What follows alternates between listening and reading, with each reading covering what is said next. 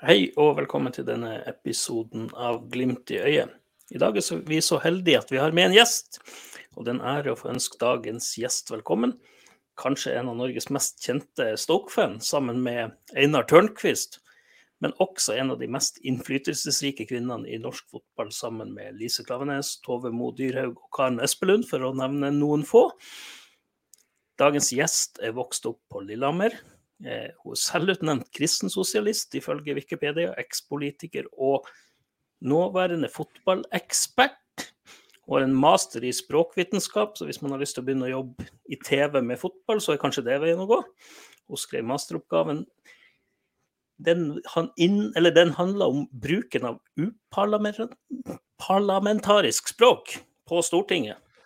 Det må jo være interessant, for jeg vet ikke hva det er. Nei, for du klarte jo ikke å si det heller, nesten. Nei. Det... og har det som må være drømmejobben til alle sofaeksperter. Eh, kanskje den viktigste rollen i norsk media vedrørende norsk fotball besitter hun i form av å være kommentator av neste års rettigheter, rettighetshaver i TV 2. Mina Finstad Berg, velkommen til oss. Takk, takk. Det var jo litt av en intro. Kan jeg oppklare med en gang? Uparlamentarisk språk, det er det du ikke har lov til å si på Stortinget. Sånn uh, idiot og uh, banneord og alle mulige sånne ting. Mye nordlending som, nordlendinger som får påpakning på språkbruk uh, i den salen der. Det, ja, men det kan du få lov å gjøre her. Her har det skjedd mye i det studioet her. Så vel, ja, ja. vær så god, kjør på. Det elsker altså, vi for å si det sånn, hele min svigerfamilie er fra Nord-Norge, så jeg er ganske vant til den stemninga. Eh, er innom Bodø hver sommer på vei til svigermors eh, feriehus på Myken på Helgelandskysten, så jeg er godt kjent i traktene. Jeg vil bare trykke på den eksplisitt-knappen når vi publiserer episoden. ja, den må trykkes på. Men eh, var ikke, der en, var ikke der en venstreleder fra Vestlandet som ganske ofte også ble tilsnakket? Jo, det, det, var en del Sponheim i monitor en periode der også. Så det var mye fløypartiene, Frp og SV, eh, godt representert blant de som får kjeft for å være for drøy i språkbruken. Men eh, når, eh, når eh, dagens SV-leder fikk, eh, fikk ikke han kommentar for at han hadde på seg branntrøye i Stortinget? Ja, det var Heikki Holmås, det. Heikki Holmås, han er vel den eneste som har fått kjeft for å bryte eller De, de var litt usikre om det var brudd på kleskoden eller ikke, men han stilte jo i branndrakt eh, da Brann vant seriegull over i 2007, ja. Ja, Men eh, hvordan gikk det, da? Altså, eh, Fikk han påpakning? Jeg tror han slapp unna med det. altså. Mm. Men måtte, måtte han ikke stille noen meter øl, eller ingenting? På, Nei, men, men det, har, det, er mye fotballmetaforer på Stortinget òg. Altså, jeg jobba jo på Stortinget en periode som politisk rådgiver. Og det er veldig mye sånne skjerf på dører rundt omkring i korridorene. Så det er mange som har veldig sterkt behov for å markere liksom, sitt territorie eh, med både engelske og mye norske klubbskjerf rundt omkring der. Ja, ikke sant. Kjell Magne Bondevik, tror jeg hvis han hadde vært nå på Stortinget, så hadde han hatt Glimt-sjef og Molde-sjef på sin dør. Det... Ja, selvfølgelig. Ja. Og ryktene skal ha til altså De spilte jo også sånn der cageball-aktig variant nede i kjelleren på Stortinget, sånn minigymsal der. Knut Arild Hareide, skikkelig råskinn på banen. Sånn eh, mye sterkere enn du tror. Og sånn som folk hata å møte. Han er jo kjempe-Liverpool-sporter. Eh, så ja da, han, eh, han sånn, beit sånn, godt fra seg i taklingene. Knut Arild Hareide han er litt sånn Saltnes. Veldig veldig trivelig og sympatisk av banen, men på banen så kjører han plutselig kneet i ryggen på deg. Jeg skal ikke se bort fra det, altså. Ja, men hva Altså, Knut Arild, han ligner Jeg bommer deg helt hvis jeg sier at han ligner litt på Harald Martin Brattbakk. Det er noe der, altså. Det, det er noe der, ja. Ja, nu, du, og er, er, han den vingen som uh, egentlig glipter på jakt etter, da, kanskje? Altså, vi, vi trenger flere vinger. Uh, Knut Arild, det har jeg ikke sett for meg. Altså. Nei, det er bra. Overraskende. Men, eh, men en ting, så har vi fått Jørn også med oss i studio. Det er nesten så han også eh, trenger en presentasjon, men den hopper vi over denne gangen. Jørn har vært opptatt med viktige ting. Men eh, velkommen, Jørn, du òg. Takk for at du jo, hadde Jeg prøver å sveipe innom en gang iblant.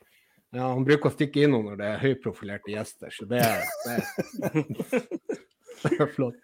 Nei, altså, sant, Grunnen til at vi har invitert Mina hit i dag, er jo det at um, jeg havna i en liten uh, diskusjon med Jonas Sund Aune på Twitter. En, Aldri hørt om. Aldri hørt om, nei. Ivrig RBK-supporter. Det gikk litt hardt for seg i en tråd her. Jeg tror det er Børre um, han, uh, Hva han heter han? Uh, kommentatoren i Visa Nordland. Nå står det helt stilt. Pappa gjerne. Arntzen. Herregud. Tenk at Mina kan det her bedre enn meg. Det er jo helt nydelig. Og da kom jo den artikkelen rett i fanget på meg, imens jeg sitter og er ganske så fyrt på Jonas. Uh, vi driver og melder litt frem og tilbake, snakker høyt i, uh, i monitor der. Uh, og jeg leser artikkelen og blir jo egentlig litt kok forbanna idet jeg leser den. For der kom en til artikkel om Glimt og hvor ræva og hvor dårlig oppførsel osv. Jeg klarer jo ikke å lese all hele artikkelen. selvfølgelig. Uh, vi supportere vi leser jo kun overskrifter. og uh, det ender jo med at uh, jeg kritiserer den ørlite. Er vi enige, Mina? At jeg kritiserte den litt? Ja, jeg, jeg fanga opp at du var ikke 100% enig med meg. Jeg var ikke helt eh, Det fanga jeg opp. Nei, jeg var kanskje litt Men jeg har fått merketikk kritikk opp igjennom, det har jeg. Ja, det, det har du. Prøver jo ikke å miste det helt. Men så tenker jeg at det, ikke, det, er ikke noe, det er ikke noe å sitte og diskutere det her på Twitter med Jonas. Og, så jeg, jeg ringte nå heller Mina, og så snakka vi litt. Så jeg tok en telefon. Og uh, da er det jo artikkelen 'Bodø-Glimts voksesmerter'. Jeg syns jo egentlig den, Er det blogginnlegg? Kan du fortelle litt om, om den, bare sånn kort oppsummert, Mina? Ja, nå skal jeg oute en kollega òg, da. Fordi det starta egentlig at vi drev og diskuterte Falsnes og litt andre ting på jobb. Og så var det egentlig Per Angel, altså TV 2s mest profilerte Bodø-Glimt-supporter, som mente at det her burde jeg skrive noe om. Så det var egentlig han som satte i gang den runddansen for min del. Eh, for vi satt og diskuterte det litt. at eh, Bodø-Glimt har hatt en sånn helt enormt god suksess på ganske kort tid. ikke sant? Jeg tror veldig mange glemmer hvor kort tid det er siden Glimt spilte Obos. Det ja, det gjør ikke vi, da. Men, ja. Nei, men mange andre eh, glemmer at den, den her Glimts vei til toppen har vært så eh, enormt kjapp. Eh, det har skjedd så fryktelig mye på veldig veldig kort tid. Og den har også vært så eh, spektakulær. da. Eh, jeg skrev også i den kommentaren at det, serie, det første seriegullet til Glimt jeg, jeg, kan ikke huske å ha sett noe mer suverent. Ikke sant? Eh, mm. og, og, i den her veien til toppen så har jo Glimt med rette fått enormt mye ros og blitt hylla og genierklært Kjetil Knutsen og co. ikke sant? Det er klubben som knapt har kunnet gjøre noe feil. Og jeg tror også veldig mange i Norge, vi er jo glad i Maskeland, veldig mange har syntes det her har vært veldig gøy å være unna Bodø-Glimt. Eh, den suksessen. Og syns det har vært et eventyr som har vært veldig morsomt å følge med på. Eh, og så har det vært en liten endring, eller vært en ganske stor endring i stemninga den siste tida. Hvor det har vært liksom, flere saker etter hverandre eh, som Glimt har håndtert på en måte som gjør at de ender opp med å komme dårlig ut av det. Um, og, det og, det mener jeg er litt sånn voksesmerter. Det at Glimt kanskje ikke har klart godt nok å omstille seg til en ny hverdag, hvor de ikke lenger er en sånn sjarmerende utfordrer som sparker nedenfra. De er ikke lenger David i norsk fotballkontekst. Nå er det de som er kongen på haugen, det er de som sitter på tronen. Og da tolkes det Glimt gjør på en helt annen måte enn før. Det som er liksom herlig breialt når du er en utfordrer, er ofte, blir ofte oppfatta som litt arrogant når du sitter på toppen. Eh, det som f.eks. er vinnermentalitet, eh, blir kanskje mer hoverende. Eh, I tillegg til at man, man får et helt annet søkelys på seg. Ikke sant? Så, uh, altså sånn, du kunne jo knapt uh, slippe en fis på brakka på Lerkendal uten at det ble nasjonale nyheter i en periode hvor Rosenborg var på toppen. ikke sant? Altså, man følges så vanvittig tett, uh, og får da kritikken sitter løsere, mer oppmerksomhet på ting som kanskje oppfattes som fillesaker. Dette vet Rosenborg-supportere alt om, for sånn har det vært i veldig mange år for deres del. Men den nye hverdagen der, den, jeg syns jeg ser en, en klubb, klubb, nå i Bodø som sliter litt med å tilpasse seg til det. Og Derfor har de håndtert en del saker litt klønete, som gjør at de ender opp med å komme veldig mye dårligere ut av det enn de egentlig trodde, eller egentlig burde. Men også hvor de ender opp med å på en måte eh, bli liksom svarteper også i saker hvor de egentlig har rett.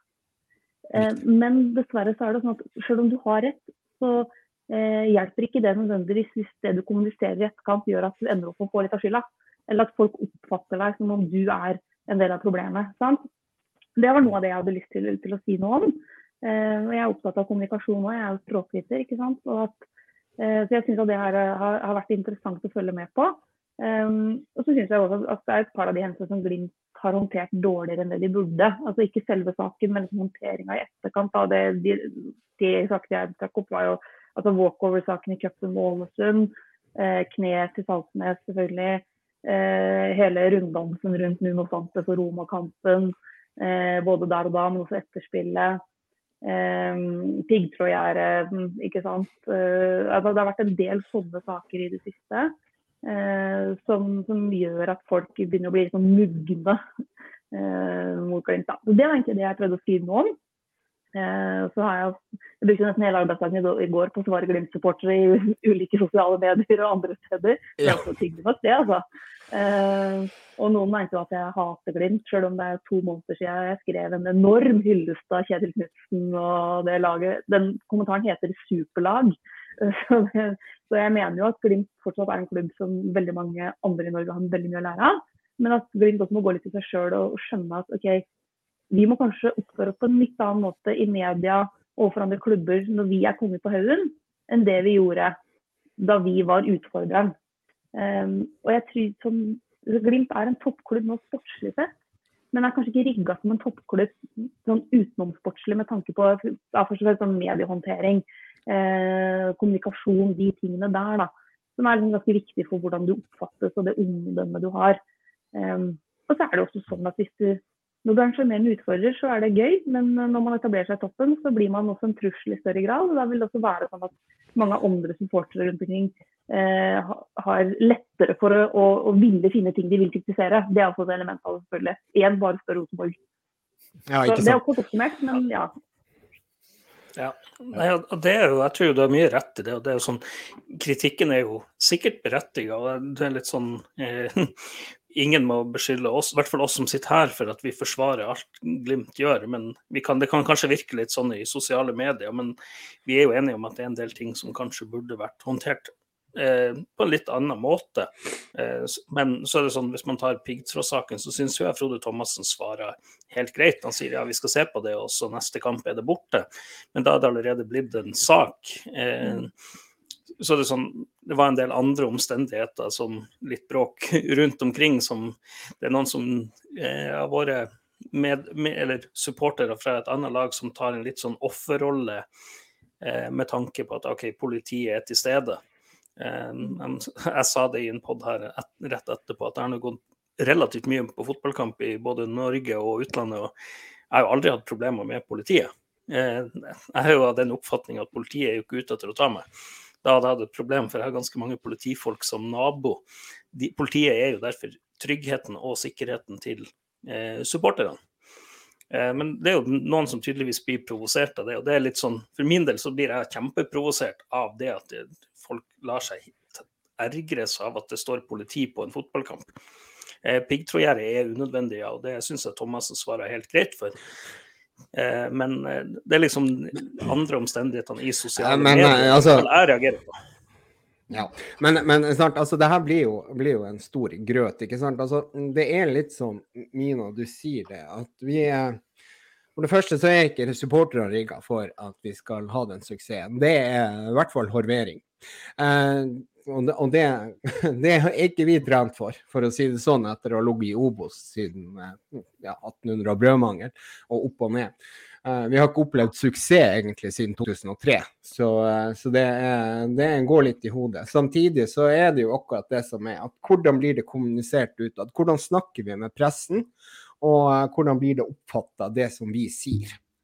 Og da skal jeg spørre deg, Mina, hva er det egentlig Glimt bør gjøre i forhold til de her situasjonene? Fordi at ja, må, vi må jo egentlig ta de her som liksom har vært i hovedpunktene. Det er jo da eh, Klubben ble kritisert for å bryte norske reiseanbefalinger på treningsleir i Spania under koronastenginga i fjor. Og det har jo etter det har det jo blitt en litt sånn Ja, det var greit. Uh, ingen smitta og, og, den biten der. Det, men det var mye styr da. Du husker den, Mina? Mm. Mm. Jeg hadde ikke med den i min kommentar, for det er så lenge siden. Så jeg tenkte at ja. liksom, det det er på en måte det er en sak vi er ferdig med, da. Men, men det ja. har festa seg hos mange, det òg, altså. Riktig. Og det, eh, det var liksom kanskje Ja. Og så det Startskuddet, da. Fikk noen, det fikk jo ikke noen konkrete eksempler eller konsekvenser i form av um, smitteutbrudd og sånn, men det var jo i en situasjon hvor veldig mange andre lag altså, Bredden kunne jo ikke spille i det hele tatt, og mange hadde treningsnekt. Og, og det var jo mer det at liksom Uh, jeg tror det var mer det folk reagerte på der. Men, men som sagt, jeg, det er nok litt startskuddet, men samtidig såpass lenge siden at jeg ja. syns det er en litt annen greie nå. Mm. Og så er det jo først og fremst de tingene jeg er redd for, er de som har skjedd nå i vinter. Uh, og det er også viktig for meg å si at uh, dette er jo ikke snakk om at Hvis du ser på hver enkelt hendelse isolert sett, så er det ikke noen krise. ikke sant? Og hadde det vært enkeltstående isolerte hendelser, så hadde det ikke blitt en sånn stor greie ut av det. Men det er jo summen av mange små hendelser som gjør at det er i ferd med å danne endre et bilde. Men for å ta det med, med hva man kanskje kan, kan gjøre annerledes ja, ja, vi kan jo ta det før vi begynner på de andre punktene fra i høst. Ja. Altså. Ja. Eh, nei, fordi altså det som Jeg bare skal ta på meg liksom språkviterhatten min, uh, så er jeg ganske opptatt av at altså, språklig, altså, all kommunikasjon hele tida skjer jo i en kontekst. sant? Og, og Noe av det viktigste i den konteksten er hvem som er avsenderen av budskapet. Eh, og hvem som er avsender, påvirker i veldig veldig stor grad hvordan noe tolkes. Sant? Eh, og det er mm. der jeg tror kanskje Glimt har den største jobben å gjøre, er å skjønne at de er en helt annen avsender nå enn før. Selv om klubben er den samme, så oppfattes de på en helt annen måte. og Det betyr at alt de sier nå, tolkes på en annen måte enn før. Ja, det gjennomgås med lys og lykte. Ja. Prøv å finne én feil, og vi slipper vi en fis, som de gjorde på Lerkendal på 90-tallet, ikke sant, så, så må så det skrives opp. Kan ta ja. et eksempel. Liksom, igjen Ulrik Saltnes, stakkars gutt, det blir jo mye han òg. Men, eh, men eh, det var vel han som sto etter eh, cupkampen mot Viking og var pisse misfornøyd og mente at alt var ræva, kampen var ræva, de var ræva. ikke sant? Um, og da har du vunnet. Du har vunnet ja. en semifinale og gått i cupfinale. Uh, men han er åpenbart misfornøyd over kampen og misfornøyd over eget lags prestasjoner. Det er en sånn type melding som jeg mener at du som en type utfordrer på vei opp og fram. da. Hvis du etter å ha vunnet en kamp 2-1, 1-0, 2-0 fortsatt sier at han, nei, vi er ikke gode nok. liksom. Ikke, ja, vi vant, men vi var ikke gode nok i dag. Så kan det bli tolka som ok, det her er en klubb med vinnermentalitet. Her er det perfeksjonister på jobb, liksom. De sier seg ikke fornøyd med bare eh, tre poeng og bare gå videre. De er opptatt av at de hele tida skal bli bedre. De jager hele tida og utvikler seg, jager hele tida å bli bedre. Det er sånn det ofte tolkes hvis, det er, hvis avsenderen er en utfordrer på vei opp og fram. Den meldinga fra de som er på toppen, oppfattes veldig fort mye mer hoverende. ikke sant? Ja. Ok, her har du og i en kontekst hvor de også gikk videre på walkover. ikke sant? Det er også en del av bildet. Her har du gått til finalen. Det er noe av det største du kan oppleve som norsk fotballspiller. Eh, og så står du likevel og liksom eh, ikke bare rakker ned på egen prestasjon, men også motstanderlaget. Da, dere skjønner hvor jeg vil hen? ikke sant? At Da mm. oppleves det mye mer hoverende enn det det ville gjort. Det er litt det jeg mener at Glimt må, må eh, ta litt på alvor. da.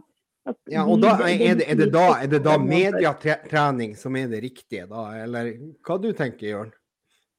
Altså, jeg tenker, Det her er en veldig interessant diskusjon, og, og den har vært oppe før i andre eh, Jeg har selv jobba en del som medierådgiver også, eh, ikke innenfor fotball, men i næringslivet med krisekommunikasjon med folk som har stått i, i vanskelige situasjoner og fått veldig mye medieoppmerksomhet.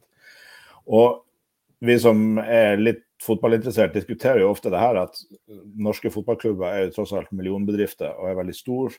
Og likevel så er det mye mindre eh, tradisjon for å bruke eh, medierådgivere enn det i andre deler av næringslivet, kan vi kalle det.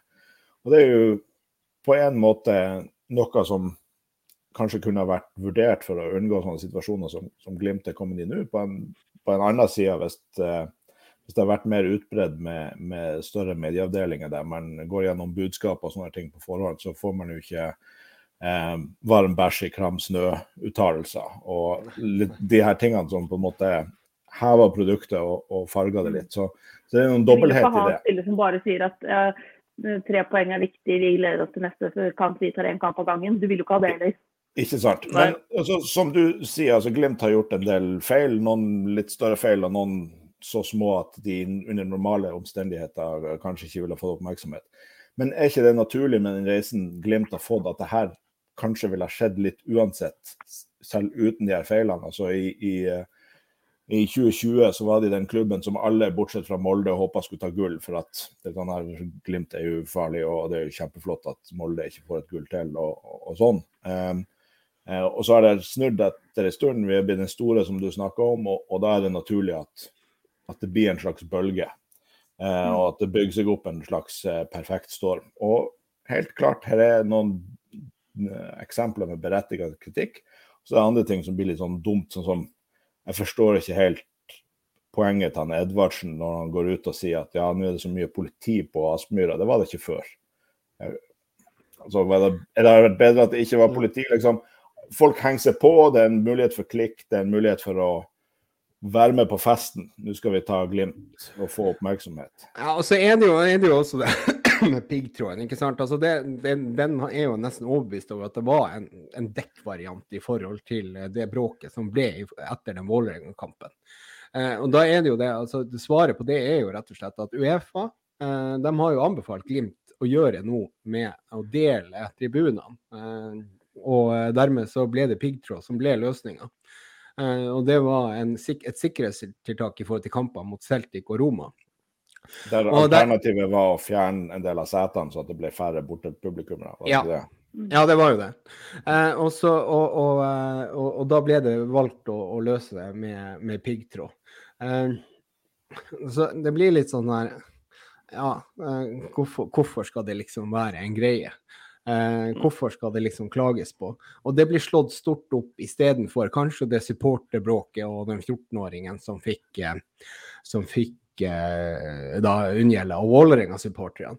Men eh, det, det, føler jeg er litt sånn slippe en fis, og så skal vi lage en sak av det, og så, og så blir det sånn. Eh, der føler jeg liksom at altså, Når det blir en sak, hva blir neste? I tillegg så skal Glimt bygge en ny stadion. De skal ikke være på Aspmyra. Det er ikke veldig mye tiltak som kommer til å bli gjort der heller de to neste årene, før vi har en ny stadion i 2024 på Tallejordet. Så, så da, da, blir det litt sånn Hvorfor kan ikke Glimt svare akkurat altså, hva, hva, eller, eller, blir det egentlig bare suppe med en gang Glimt svarer? Svarer Thomassen på en feil måte? Har han et tonefall som er feil? Svarer han kort? Svarer han ikke i det hele tatt? Hva som er liksom utfordringa her? Jeg syns jo han egentlig svarer som Bjørn, Jørn sier det, adekvat, helt advokat på, på de spørsmålene. og og, og levere. Ja. I hvert fall om piggtråden. Men jeg kan forstå ja. at noen blir provosert når det kommer en uttalelse som eh, Jeg blir sjokkert hvis de ikke stiller til kamp eh, i den Ålesund-situasjonen. Det, det, forstår jeg at det, det, kunne ha vært håndtert bedre. Nei, Hvis du da heller velger å være litt raus, da, som på en måte seriemestere. Du har et nyopprykka lag som hadde planlagt å ha den cupkampen som liksom eh, festen som skulle markere starten på sesongen. Eh, ikke sant? Og du har bedt om å utsette kampen pga. at du gjør det så sjukt bra ute i Europa. Eh, at man har gått lenger enn det NFF planla de satte ut kampen. Eh, altså, Glimt har ikke gjort noe gærent i den situasjonen. Eh, det er jo egentlig NFF som er rett adressat for mye av kritikken. Det er de som rota til. Men hvis man da isteden velger å være litt raus med Ålesund og skjønne at her er det vi, vi, som er, nå er det vi som er på toppen, vi er et nyopprykka lag. Eh, dette skulle være deres sesong. De er utafor sesong, det er ikke vi. Um, og si det at man, ja, det her, Vi skjønner at dette er kjempe, kjempefrustrerende situasjon for Ålesund, selvfølgelig. Det er stor forståelse for de utfordringene de har. Vi har jo også våre utfordringer. Her håper jeg at NFF kan finne en løsning som er best for begge parter. Uh, ikke sant? Og i hvert fall bare ikke bagatellisere Ålesunds utfordringer. Men igjen så handler det om å skjønne hvilken rolle Glimt nå har i norsk fotball. Mm. Nei, og, og, da er det, jo, er det, jo, samme altså La oss si at denne situasjonen hadde vært med et annet lag som ikke er på topp. Hadde det vært samme bråket om den uh, walkoveren? Hadde det det, eller? Nei, altså du får mye mer oppmerksomhet fordi det er Glimt. Mm. Ikke sant? Uh, og topplagene vil ofte få mye mer oppmerksomhet. Og Det er også noe som trenerapparat, spillere også må være forberedt på. Jeg vet at Glimt har jobba veldig godt tidligere med mentale trenere og vært veldig flinke til det å, å ta vekk alt fokus som ikke er på det sportslige. Eh, og gjort et litt sånn nybrottsarbeid i norsk kontekst eh, på det. da. Mm. Eh, og det tror jeg er lurt for mange å tenke også rundt mediekjør. fordi en del av de spillerne her skal nok gjennom et mediekjør som de ikke har vært helt vant til. Altså, de er mye mer ettertrakta. De, de, de, er store profiler. Ja. ikke sant? Nei, og, og, det er jo heller ikke bare De får mye mer oppmerksomhet enn, enn det de hvis de hadde spilt for et annet lag. Så får de mm. mer oppmerksomhet nå. Og det tror jeg det er lurt å liksom være forberedt på som lag. Ja. Og snakke litt om hvordan man håndterer akkurat det. Hvordan, hvordan håndtere pressen, hvordan svare, og hvordan ikke lage mer, sette mer tennvæsker på, på, på, et utdøende bål. Eh, og Det er jo også da, kanskje noe som supporterne bør tenke litt på. Men, men, eh, men, en annen ting er jo det at, eh, at det er et veldig viktig punkt, det som du sier om uh, spillere, men også da staben. For eh, vi ser det også at kanskje Kjetil Knutsen henger litt ekstra med hodet, litt ekstra Kanskje litt irritert, opphengt i det. Og vi vet også at staben er, ser sliten ut. Eh, og, og det ser du i hvert fall på sosiale medier, at det, det er ikke samme gutsen og, og, og, den biten der i forhold til kontoene til Glimt. Så det går litt utover alle det her at det er trøkk rundt media. Og det starta jo hele Kanskje den verste trøkken, det var det her Roma-kjøret. Ja, og Det er jo også en helt absurd situasjon, og den er jo på en måte annerledes enn egentlig noen norsk klubb har opplevd eh, tidligere. Både fordi at forrige gang noen gjorde det såpass bra som Glimt har gjort det i, i Europa, så var jo mediebildet helt annerledes. Vi hadde ikke sosiale medier på den måten sånn som vi har i dag men også den helt ekstreme konflikten som ble eh, mellom klubbene, mellom personer og, og mellom fansen på, på, sosiale medier, skapte jo en, en, en, helt spesiell situasjon. Men jeg tenker også i forhold til medierådet, så det er selvfølgelig man kan være tjent med å, gjøre en jobb i forhold til hvordan språk og ord man bruker, og en større forståelse av eget utgangspunkt og hvor man kommuniserer fra. og sånn, Men jeg tenker også noe som Du var inne på det med mental trening. jeg tenker at I forhold til å håndtere denne mediestormen, så er det også en, en del av biten. Altså, når man går fra lite oppmerksomhet til ekstremt mye oppmerksomhet, så er det veldig lett å absorbere all den feedbacken du får fra media, og, og la det gå inn på deg. Mm. Litt sånn som du, hvis du plutselig opplever en storm på Twitter. Men hvis du legger det vekk en stund og ikke tenker på det, så merker du at det er kanskje ikke så stort som det virker når du står i det. Og jeg tror Glimt må få denne mengdetreninga i at ja, det er jo mer oppmerksomhet. Vi må ikke la det gå inn på oss. Det er ikke alle ting vi kan svare perfekt på. Og, og om vi hadde svart perfekt, så hadde det kanskje blitt negativ oppmerksomhet likevel. Ja, og det er jeg kanskje litt inne på. Hva du tror, altså Mina, hadde det hjulpet deg om eh, Frode Thomassen hadde svart helt perfekt i forhold til de situasjonene som du nevner, ikke sant? hvis vi tar f.eks. Ålesund-kampen. Hadde det hjulpet at han hadde vært litt mer rund i kantene i den uttalelsen sin? Hadde Glimt fått mindre skyld?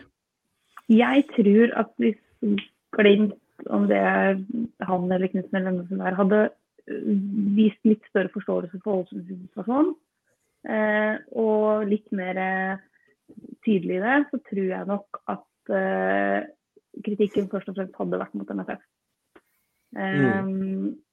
Og så skal du ta inn i den der, og det er jo ikke Glimt sin feil i det hele tatt, men når du da også har liksom, Knutsen som trekker cupkamper, ikke sant? Som, som ja, det er jo åpenbart helt som er liksom, Igjen, ikke, ikke Glimt sin feil, men, men, det er jo med også på å styrke de mer konspiratoriske hjørnene av Twitter. Ja, altså, eh, og, som er og der er det jo eh, klønete måte å gjøre det på NFF. Det, det er klønete, det er jo så banalt, men allikevel så kom det der lasersynet og alt det her, og det var, eh, det var feil. Altså, det var Hva det heter Rigga trekning.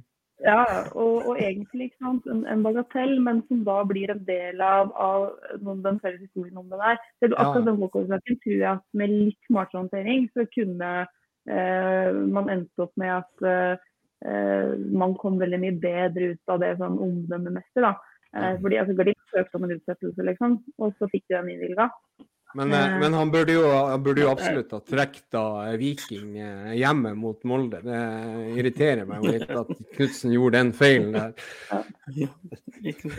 Men, men en ting, liksom en ting som er med norsk fotball, det er som i forhold til Hvis du da ser engelsk, eh, det er jo nærheten media får til mm. eh, spillerne. Jeg tror jo også det er Knutsen sitt at han ville kjøre pressekonferanse istedenfor én-til-én. Det, det var nok eh, tråkka nok en del journalister på, på tærne. Eh, nærheten til norsk fotball og tilgangen vi har. Jeg tror media kanskje bør vokte seg sånn at ikke vi går glipp av det.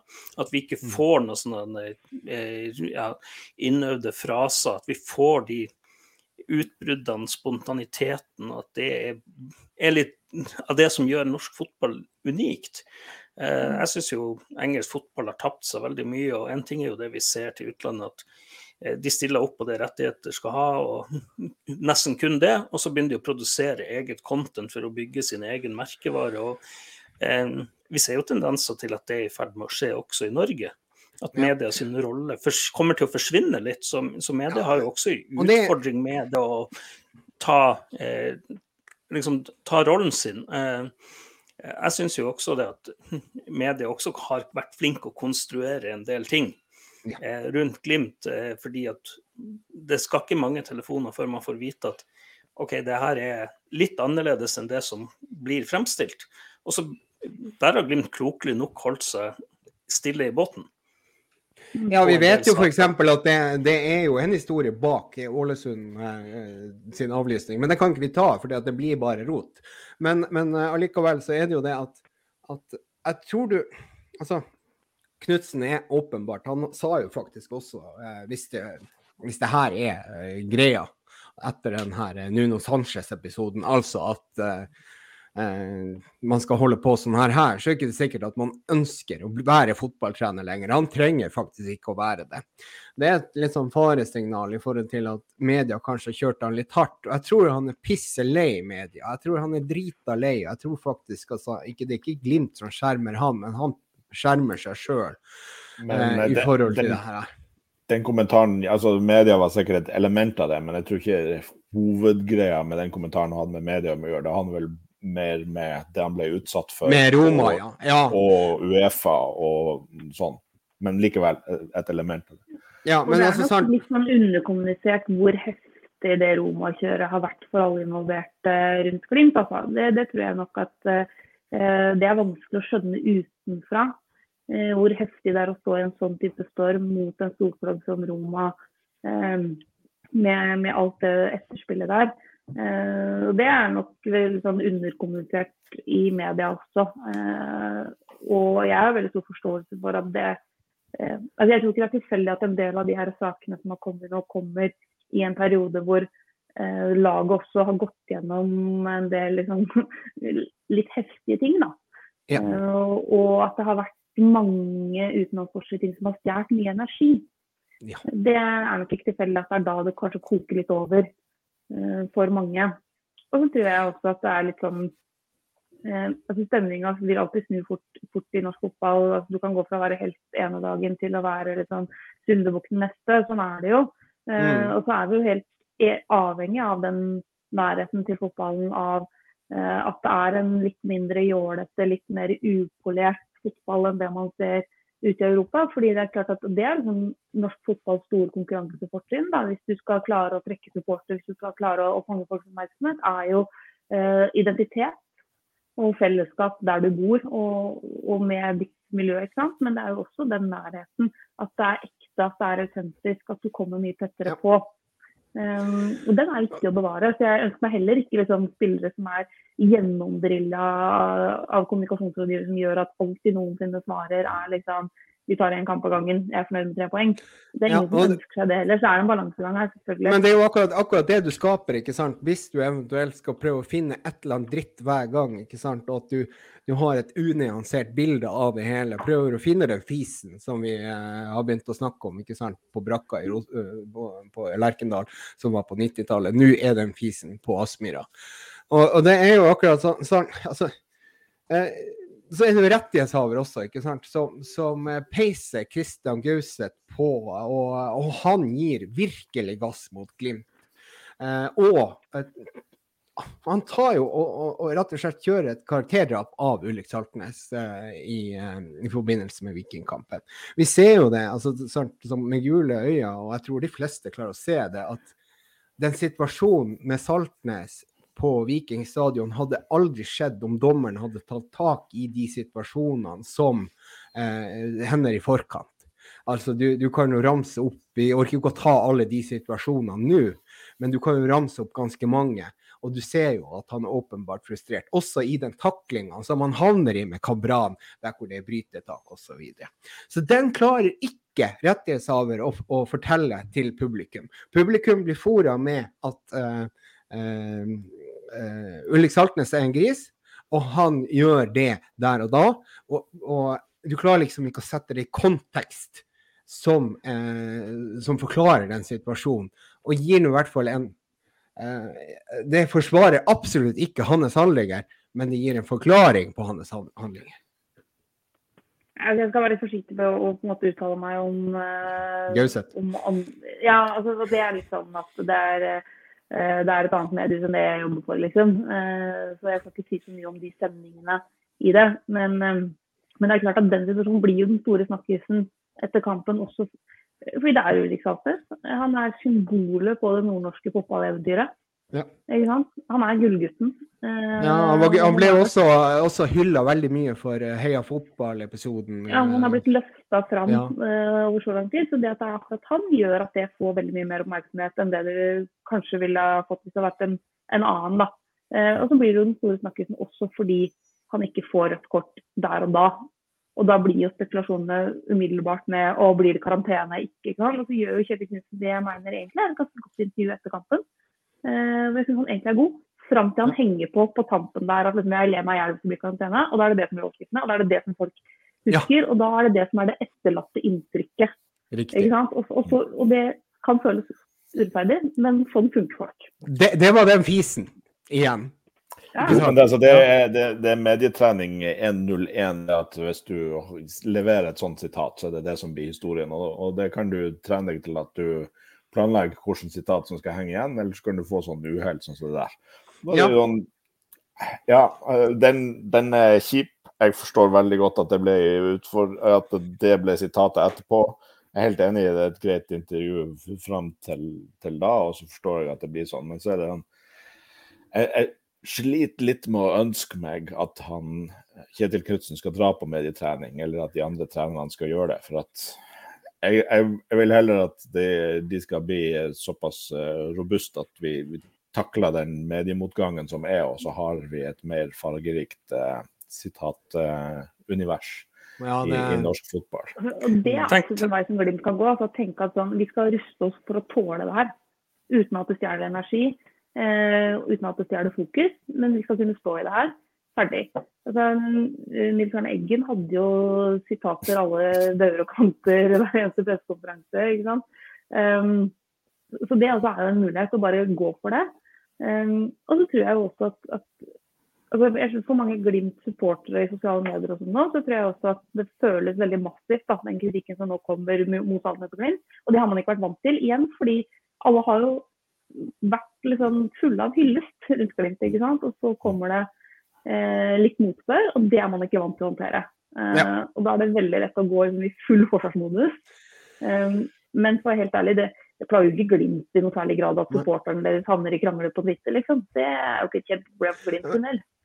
Men har media et ansvar her? Har, har de et ansvar for å, for å, si nok er nok? Altså, vi har jo Jan Åge Fjørtoft var ute på, på um, nei, på, på, Twitter og skrev en uh, som vi Glimt-supportere elsker, ikke sant? At nå er det nok. Nå Glimt har gjort sine feil, men de er også en fantastisk klubb og fantastiske mennesker. Og nok er nok. Nå må folk gi seg. Det var kanskje ment mot Twitter-publikummet, eller om det var ment mot media, det vet jeg ikke. Men har han et poeng hvis, snakker, hvis han snakker om media? Me, bør media nå kanskje si at nok er nok. Uh, det går utover uh, mer enn hva de kanskje tror.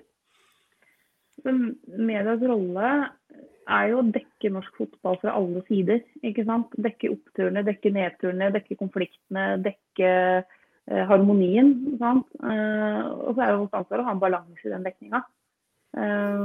Og så tror jeg alle supportere ja. vil jo føle at deres klubb kritiseres urettferdig mye. Men det er jo litt mm. fordi man henger seg man, man, leser jo sakene om egen klubb. Man leser ikke nødvendigvis de kritiske sakene om andre klubber. Uh, så det er litt med hva man får med seg også. Men, men, jeg, jeg leser alle kritiske saker om Molde. Nei. noen gjør det. En, en målingsopptak vil lese alt kritikk av Lillestrøm og, og omvendt. Uh, men, men for selv er det viktig å ha en balanse. altså dekke, altså dekke det som skjer i norsk fotball. da. Og, og, da, og da kan vi konkludere med men da kan vi konkludere med at på søndagen så var i hvert fall ikke uh, rettighetshaver, uh, Eurosport, balansert i sin vinkling av situasjonen. Kan du, kan du, si ja eller nei? Er du enig med meg? Nei, vi tre andre kan jo si det, i hvert fall. nei, altså, jeg, jeg skal ikke si noe om akkurat den, den sendinga, fordi det er liksom uh, altså, og, jeg, og, jeg, kjenner heller ikke til hvilke vurderinger de har gjort når de har stabla sendinga si etter kamp. ikke sant? Uh, og så får jo de disse intervjuene også i fleisen og skal reagere på dem der og da. Ja. Nå, nå sitter Nina med en lapp her som skriver ja, ja på den lappen. Så, ja. Nei, men, men problemet, problemet, litt med det der, det var det at de har, i fotballkveld klippa det litt til. Og så, er det sånn at, eh, og så ble det et karakterdrap av Gauseth, og så de, de, andre hengte seg på. Jeg syns jo det var en unyansert eh, debatt. Og det er jo litt sånn, medias rolle er jo også det å nyansere ikke bare Ja, man skal ha fokus på det som er både positivt og negativt. og Det, det er jo ingen Jeg har ikke sett noen Glimt-fan som forsvarer det Saltnes gjorde, men vi sier at ok, dette skjedde i affekt. Eh, vi forstår det, og det har sikkert sine forklaringer med hvordan kampen er, men det skjedde i kampens hete. Han er jo ikke en som gjør dette på åpen gate mot folk, og han har jo heller ikke gjort det. Det er jo Som sagt, det hadde kvalifisert til et rødt kort. Han har fått sin fortjente karantene, vil noen si. Men eh, mm. jeg syns bare måten eh, media fremstiller ting på den saken der, hadde jeg reagert på om det hadde vært eh, en Rosenborg-spiller eller en Vålerenga-spiller eller eh, en Lillestrøm-spiller som hadde gjort det. For jeg syns det var veldig unyansert når jeg fikk se hele intervjuet, fordi at de hadde klippa det og litt, eh, litt for kort. Eh, og så er det sånn, Man kan ikke forvente heller at en spiller skal svare Eh, med, si, med kamppuls da og svare eh, rett etterpå på alle kritiske spørsmål. Eh, den, jeg klarer i hvert fall å se den at det neppe skjer. Mm. Så er det, tror jeg også at En del sånne saker som det her forsvinner jo også ganske kort tid etterkant. ikke sant? Altså Det stormer der og da, og så har man en ny snakkis neste runde. Det som er litt viktig for meg å påpeke, og det er nok et skille som vi som jobber med det er mye mer opptatt av enn alle andre, men det er altså en forskjell på journalister og reportere og eksperter og kommentatorer. Mm. Eh, våre journalister og reportere har en helt annen rolle enn det jeg har, som er sportskommentator og fotballekspert. Jeg får lov til å mene synse eh, og liksom analysere og gjøre de tingene der. Mens eh, kollegaer der som er reportere og journalister, de skal jo først og fremst rapportere. Ikke sant? Og det er en forskjell på journalistikk og det jeg driver med som kalles for meningsbærende journalistikk. Mm. Ikke sant? Så en ekspert i et studio har jo mye større mulighet til å liksom kaste noen under bussen og si at liksom, det her er eh, ubrukelig og ræva, eh, enn det de sportsjournalistene har. Så, så, er, så man, ofte så vil man jo i den ekspertrollen være mye mindre nyansert enn det man kanskje ville vært hvis man hadde skulle skrive en nettsak om samme tema. Det er liksom ulike roller, men jeg tror det ikke nødvendigvis alltid kommer like godt fram. da. Eh, men det er et skille der.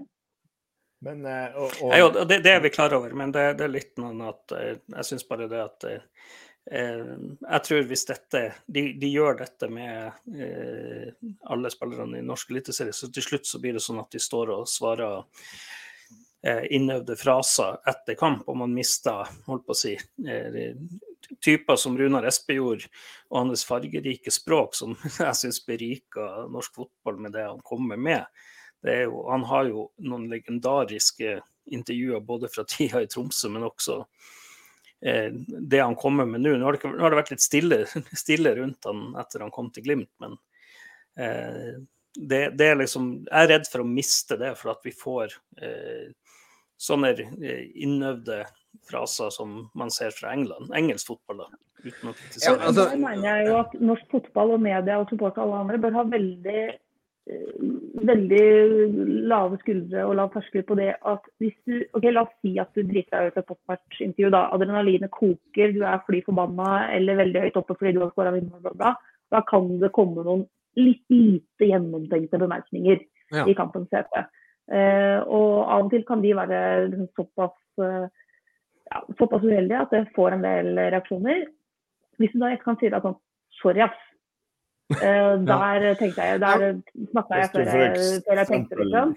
Eh, ber de om å gå og henge seg, og så ber de om unnskyldning etterpå. Ikke sant. Og Det mener jeg, det er en grunn til at jeg ikke har trykket opp den saken i kommentaren min. fordi Der sier han noe som er langt over grensa, og så går han ganske kjapt ut og sier sorry. Det burde jeg ikke sagt. Legg meg flat. Ferdig. Mm. Det skal vi være rause med. altså, At det er lov å gjøre feil. Hvis, hvis du etterkant kommer og sier sånn sorry, der bomma jeg, så kan vi gjerne bli ferdig med det ganske kort etterpå. liksom. Nei, men altså, Jeg må jo også si at at vi har jo mista en sånn eh, profil som, uh, som gjorde så, litt sånn spennende ting i pausen. Og det var jo Christian Gauseth som nå sitter i Eurosportstudio. Jeg må jo si at jeg koser meg jo veldig når han fyrer seg opp i pauseintervjuet og river ned reklameveggen. Det er jo underholdning. Jo, men han, han gjorde det også som showmann, og det var jo litt kalkulert. Og det var en ja. tabbe som har skjedd i den kampen, så han skulle dra litt oppmerksomhet bort fra. og sånne ting. Jeg tenker jo også at Når han sitter i Eurosport-studio, så er han også Han er ikke bare ekspert, han er også litt showmann. Ja, og, og tenker at han drar opp eh, stemninga lite grann. Ja. Men uh, der, der, er det jo også det at uh, hvis vi skal ha et uh, medium som er balansert, så syns jeg egentlig at Synseligaen igjen leverer en fantastisk episode som har egentlig overtatt etter indre bane på, på, å være norsk fotball-flaggskip innenfor podkastverdenen, der hvor de går gjennom alle kampene. Så igjen så har vi lyst til å shout til dem. Men, eh, jeg vet ikke Før, før Mina forlater oss, det er i hvert fall én ja. ting, ting, jeg lurer på, men du kan komme med det etterpå, men ja. eh, eh, vi ser jo at norsk fotball har jo, ligger jo med litt brukket rygg etter covid, og nedturen starta vel litt før det. Hva tenker du når TV 2 skal overta rettighetene? Hva tenker dere dere skal gjøre for å løfte interessen? Det er et kjempegodt spørsmål. Um, altså, det å jobbe med norsk fotball, for meg så er jo det sånn kremen av kremen. Uh, nettopp fordi du kommer så tett på folk. da. Uh, og du, du, har en helt annen tilgjengelighet, helt annen nærhet enn det, det du har. Nå jobber jeg mye med La Liga. Uh, det er jo ikke så lett for oss å liksom komme tett på de spanske stjernene. Vi får litt innimellom fordi vi er rettighetshaver, men, men, det er jo ikke så mye man ønsker. Um, så et stort og godt spørsmål. Eh, jeg tror det er veldig sånn, mange som gleder seg veldig med å gyve løs på det. Eh, og så tror jeg ikke det er så enkelt som at uh, hvis man bare liksom, TV 2 tar over, så er man bang tilbake på der man var for liksom, ti år siden, eller når det var når interessen var på topp og det var liksom, enorme tilskuertall. Så enkelt er det ikke. Uh, verden har endret seg. Man konkurrerer med, med HBO og Netflix, og det er mye større tilgjengelighet på internasjonal fotball osv. osv. Eh, men det å dyrke liksom, de tingene norsk fotball har som sin særegenhet, da. Uh, og, og, det som er norsk fotballs liksom, konkurransefortrinn, som jeg sa i sted, det er jo nettopp det at du er tettere på folk, du har mer tilgjengelighet. Det er den lokale identiteten. Uh, det er disse unggutta som går fra å stå på tribunen til å spille for laget. Og det er å liksom dyrke det, da. Mm. Eh, stemninga, mm. supporterlivet, alle de tinga der. Ja. Eh, og så betyr jo det også å dyrke temperaturen i norsk fotball. ikke sant? For Absolutt. det må stå noe på spill. Det må koke ja. litt. Hvis alle er venner hele tida, så, så, står det ingenting på spill. Um, ja. Men uh, det er jo Jeg tror det blir fryktelig, fryktelig moro. Um, og så tror jeg ikke det finnes noen quick fix, men jeg tror jo at uh, det går an å bygge opp liksom, litt av det man hadde før pandemien kom og ødela alt. da. Mm. Jeg tror jo også det at jeg, Ja, men jeg skal bare ta den bare kjapt. Eh, TV 2, nyhetsformidler, har en egen nyhetskanal, har en mye større plattform enn Eurosport til å spre det glade budskap, er på eh, kanaler som folk kjenner til. Jeg tror egentlig det kommer til å være en av de største nøklene til, til, å, til å, i hvert få spredd budskapet. Bjørn det kjør! å ja, nei, jeg tenker jo eh, som supporter av norsk fotball og Glimt, da, så er det sånn Jeg elsker content der man går under huden på klubbene. Eh, jeg syns Eurosport hadde én, det var før møtet med Roma. Eh, og det var jo filma med holdt på å si, med, Det virka som med Jonas sin, sin, mobiltelefon. Kvaliteten var litt så som så. Men eh, man, hvis man drar paralleller til hva som Formel 1 har gjort og NBA, da, eh, så er det frislipp av content. De produserer masse content eh, og lar alle sammen bruke det. Jeg tror jo kanskje det å vise at ok, norsk fotball er litt unik. Vi skal spre det ut og lage mye, produsere noe som er litt mer spesielt fordi at man har den nærheten. Det tror jeg er en av nøkkelen til at vi skal få opp interessen og få lokale helter. Historien om gutten Jens Petter Hauge f.eks., som kom, kom, egentlig fra intet, var på ut, utlån til Ålesund og satt på benken mot Rollon i fjerdedivisjon for andrelaget. og kom tilbake og mm. plutselig profiler. Det er eh, enormt mange gode, sterke historier i norsk fotball som mm. fortjener å bli fortalt. Uh, og, og, norsk fotball vil, vil, aldri kunne konkurrere på kvalitet opp mot Premier League, Champions League, La Liga, Serie A, Bundesligaen. ikke sant? Uh, altså fordi det er bedre lag, det er bedre spillere. Uh, sånn er det bare.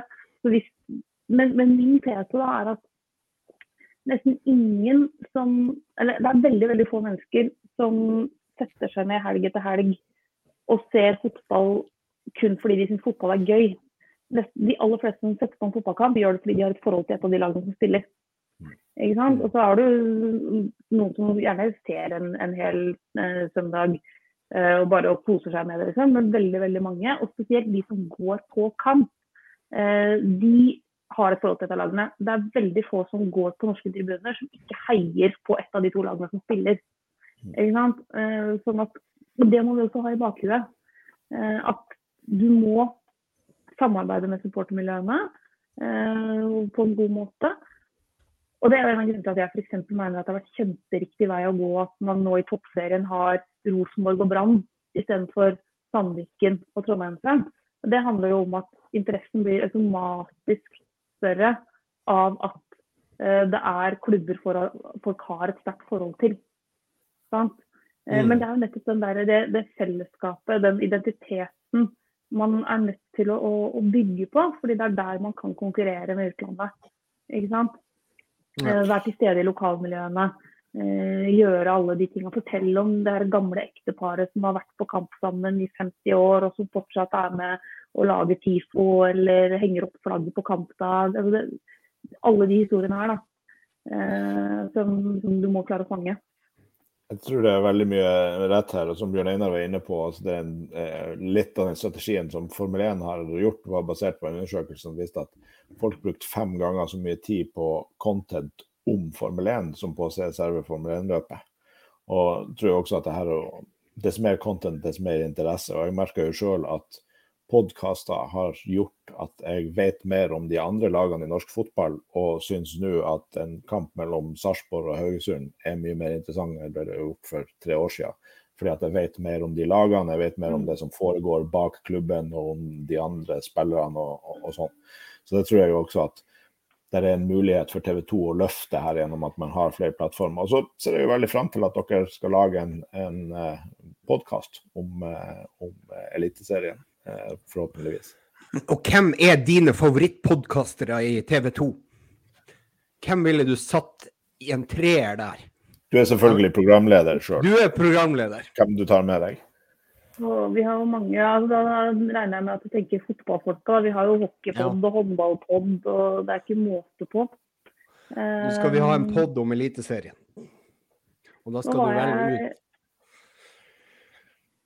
Joakim Jonssons erstatter. altså, kongen av norsk fotball eh, blant reporterne våre er jo Eirik Nesse Gjeldvik. Ja. Uh, så han bør jo inn i en sånn miks, eh, syns jeg. Uh, nei, hvem andre, hvem skulle andre skulle være altså, Det er jo mange som er gode i det formatet. Alltid veldig gøy å være med i podkast sammen med Thorstvedt. For der putter du på en mynt der, og så kommer det. Liksom. Og så kommer det, ja. ja. ja. Og det er alltid veldig deilig. Og så er jo ja, Kalle Klev har jo også drevet med litt podkast igjennom. Og, Kalle er jo god. Ja. ja. Nei, men du har, du har, noen sterke kort på hånda der. Det her gleder vi oss til. Altså. Men uh, jeg tenkte litt sånn uh, Hvis vi skal begynne å pakke deg inn litt, og du skal jo også se en Champions League-semifinale, er det det som går nå? Um, ja da. Det, det er så... noen kamper som skal ses. så, så, jeg tenker jo det, at det, det er kommet noen eh, spørsmål på Twitter, og det, vi kan jo egentlig ta hva du tror om cupfinalen? Den skal spilles mellom Bodø-Glimt og Molde, for dem som ikke ja. har fått med seg det. Rettighetshaver har jo ikke vært så ivrig på det. uh, nei, altså magefølelsen min sier jo at Glimt tar det. Uh, men jeg tror det blir tett, altså. Ja. Uh, jeg tror det kan bli en veldig intens cupfinale. Mm. Jeg tror det kan bli litt sånn skikkelig nerver hele veien. Men magefølelsen min tror på Glimt, men det er ikke med så klar margin som jeg kanskje hadde hvis det hadde vært for noen måneder siden. Da. Riktig. Og der er det, det Til rettighetshavers informasjon så skal faktisk Ulle Salt, Saltnes også spille den cupkampen. Bare sånn at dere kanskje kan endre den overskrifta på forsida deres på Eurosport nå. Ja. Men de har jo ikke rettigheten til cupen, det er jo NRK. De, Nei, det er NRK. Ja, ja, NRK det er sånn Eh, altså, Nå er ikke de kjempeflinke å lage innhold om at det faktisk er cupfinale. ja, beklager, det var ikke rett jeg sa. Smekk på fingeren til meg. OK, greit. Eurosport, dere er tilgitt. Bare fortsett med det dere gjør. Um, og, så, og, så, er det jo da uh, et siste spørsmål. Rekker vi det?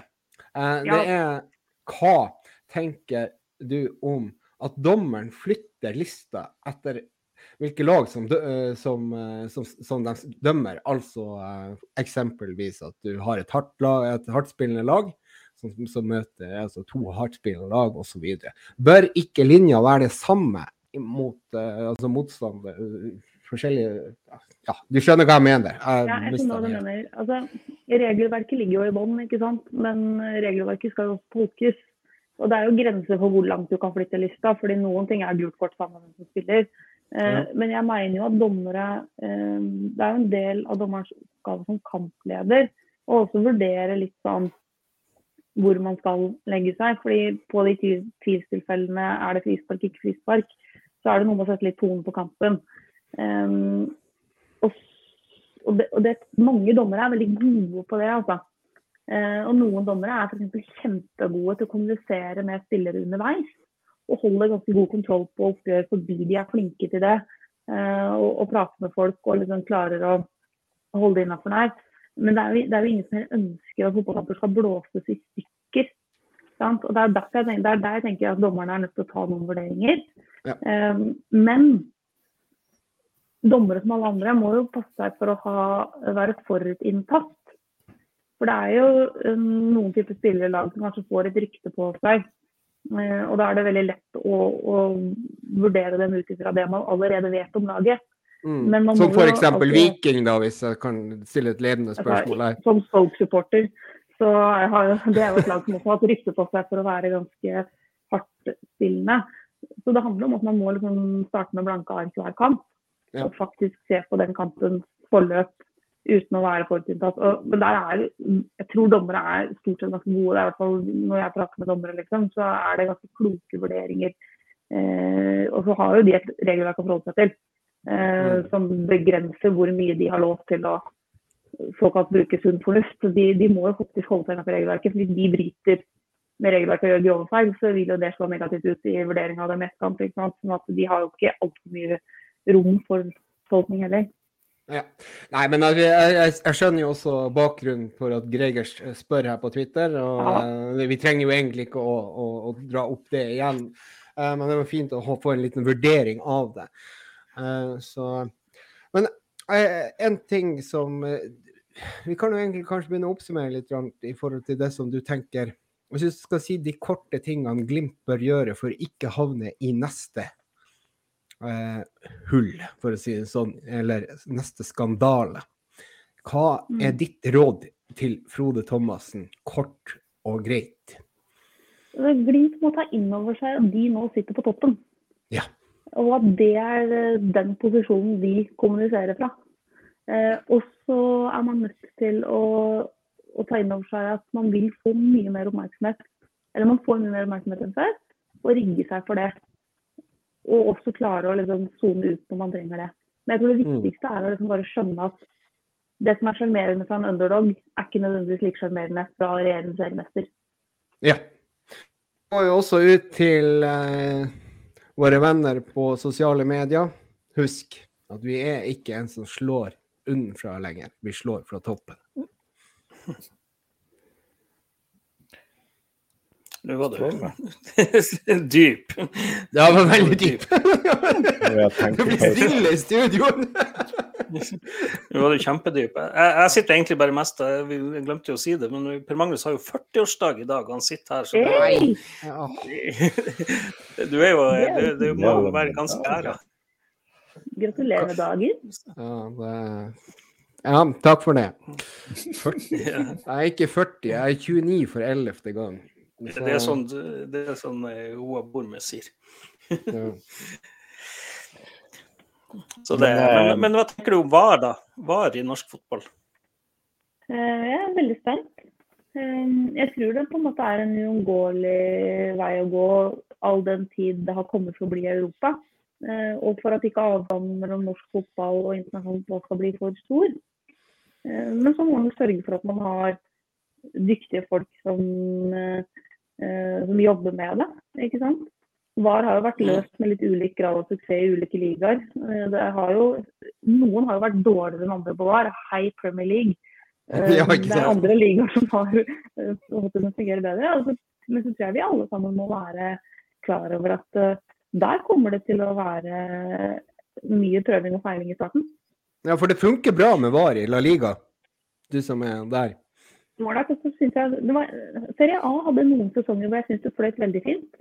Ja. Eh, de var jo blant de første som starta med det.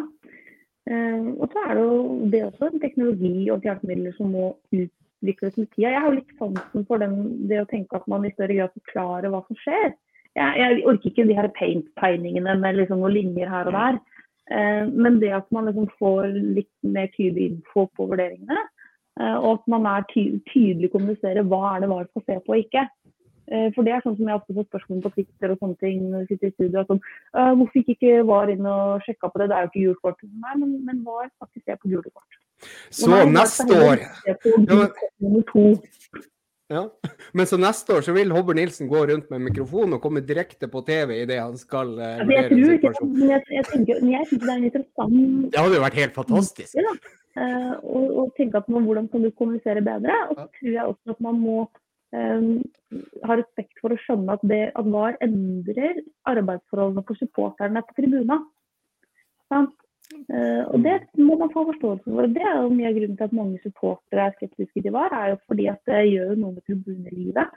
Så man må tenke på hvordan kan man uh, sørge for at det er minst mulig inngripende, at man har kortest mulig pauser.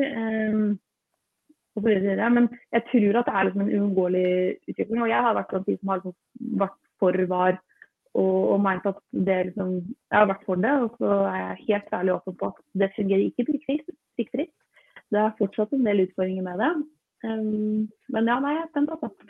Um, ja, nei, altså Vi har jo en supportermening på det der, og mener jo at VAR egentlig ødelegger den uh, spontane følelsen med fotball. og uh, ja. Og Det er helt forståelig ut fra at det endrer deres arbeids forhold på tribunene ganske kraftig. Så jeg har ja. veldig stor forståelse for at mange stående, altså, stående syngende supportere uh, er kjempeskeptiske. Det skjønner jeg godt.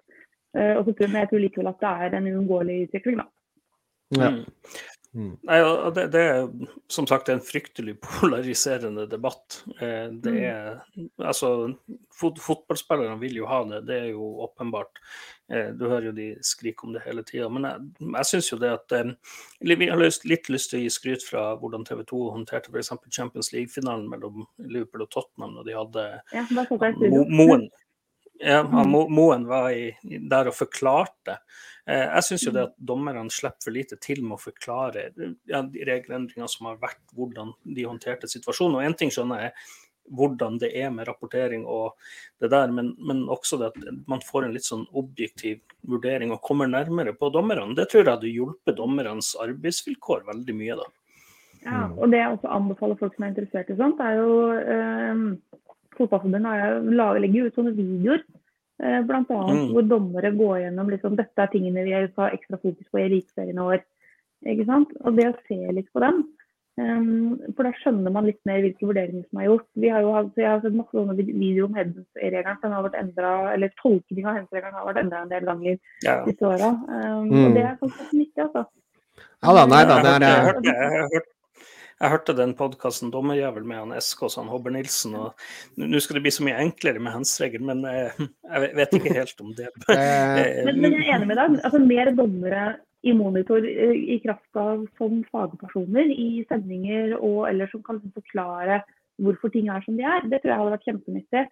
Mm. Fordi det er jo et eget fag, dommerfaget. Ja, ikke sant? Det er det. Og Hens er jo også en egen eh, professor, eller en, et, et, en masteroppgave i hvert fall. Eh, det, det vil jeg tro.